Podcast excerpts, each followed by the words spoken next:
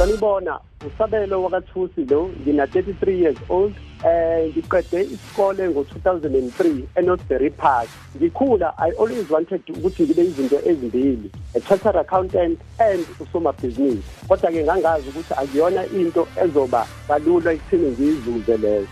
Eh into yebhizinisi-ke ngiyiqalile nje ngisamncane ngiyakhumbula e-high school ngangizidayisela nje oswiti nasemakhaya nginalo ibhizinisi lami elincane loswiti ngithe uma ngiqeda ukufunda umatric ngo-2003 ngase ngihamba ngiyokwenza iy'fundo ze-management principles evarsity college. Ngangazi-ke kodwa ukuthi it was a huge gamble because eh ugogo wayengekakwazi ukuthi amelane nama-fees akhona evarsity college. Nangempela after i-term yokuqala ugogo uhlulekile ukukhokha esikoleni. Ngabe sengiphoqeleka ukuthi-ke angiphume esikoleni ngiyofuna umsebenzi. Ngibuyelile-ke kodwa esikoleni ngo-2005 la khona-ke sengenza izifundo ze-accounting e-isesa city campus. Ngithe uma ngiqeda ukwenza iy'fundo ze-accounting ngingase ngisebenza nje kakhulu-ke ey'ndaweni zezezimali emabhenke ngiqale izinto zebhizinisi ngo-2011 la ngaqala khona i-marketing company. Esinye sezathu sokuqala le marketing company ngangifuna imali esheshayo ngangifuna ukuba isigwili ngifuna ukubonakala nje njengomuntu ophumelele emphakathini.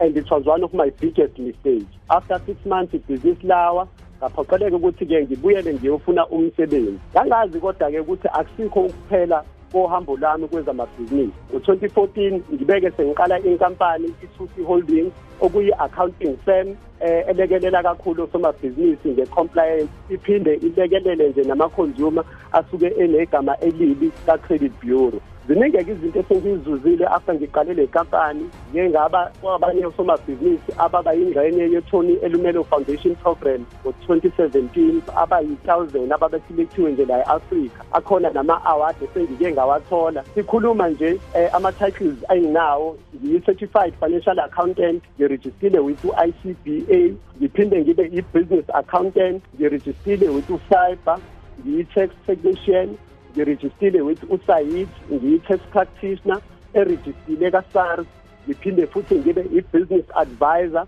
erejistile ka-ipasa ngiphinde futhi ngibe i-debt counselor erejistile ka-NCR siyintsha ngithanda nje ukudlulisa imiyalezo ukuthi ikusasa lisezandleni zethu. Ziningi izinto esingazizuza uma singadivetha ifocus yethu ezintweni ezi-right. Into esilwayo manje it's a different uh, challenge than le eyayibhekene nabo Hector Peterson we are no longer fighting ingcindezi but sesilwa izinto zama-drugs sesilwa izinto ze-women abuse uku-abuzwa kwabantu kwey'ngane and so forth. So nje ngithi asibe nesibonelo esihle sidlale indima entsha imfundo ingasithatha isise phambili kuningi esingakwazi ukuthi sikuzuze ngayo.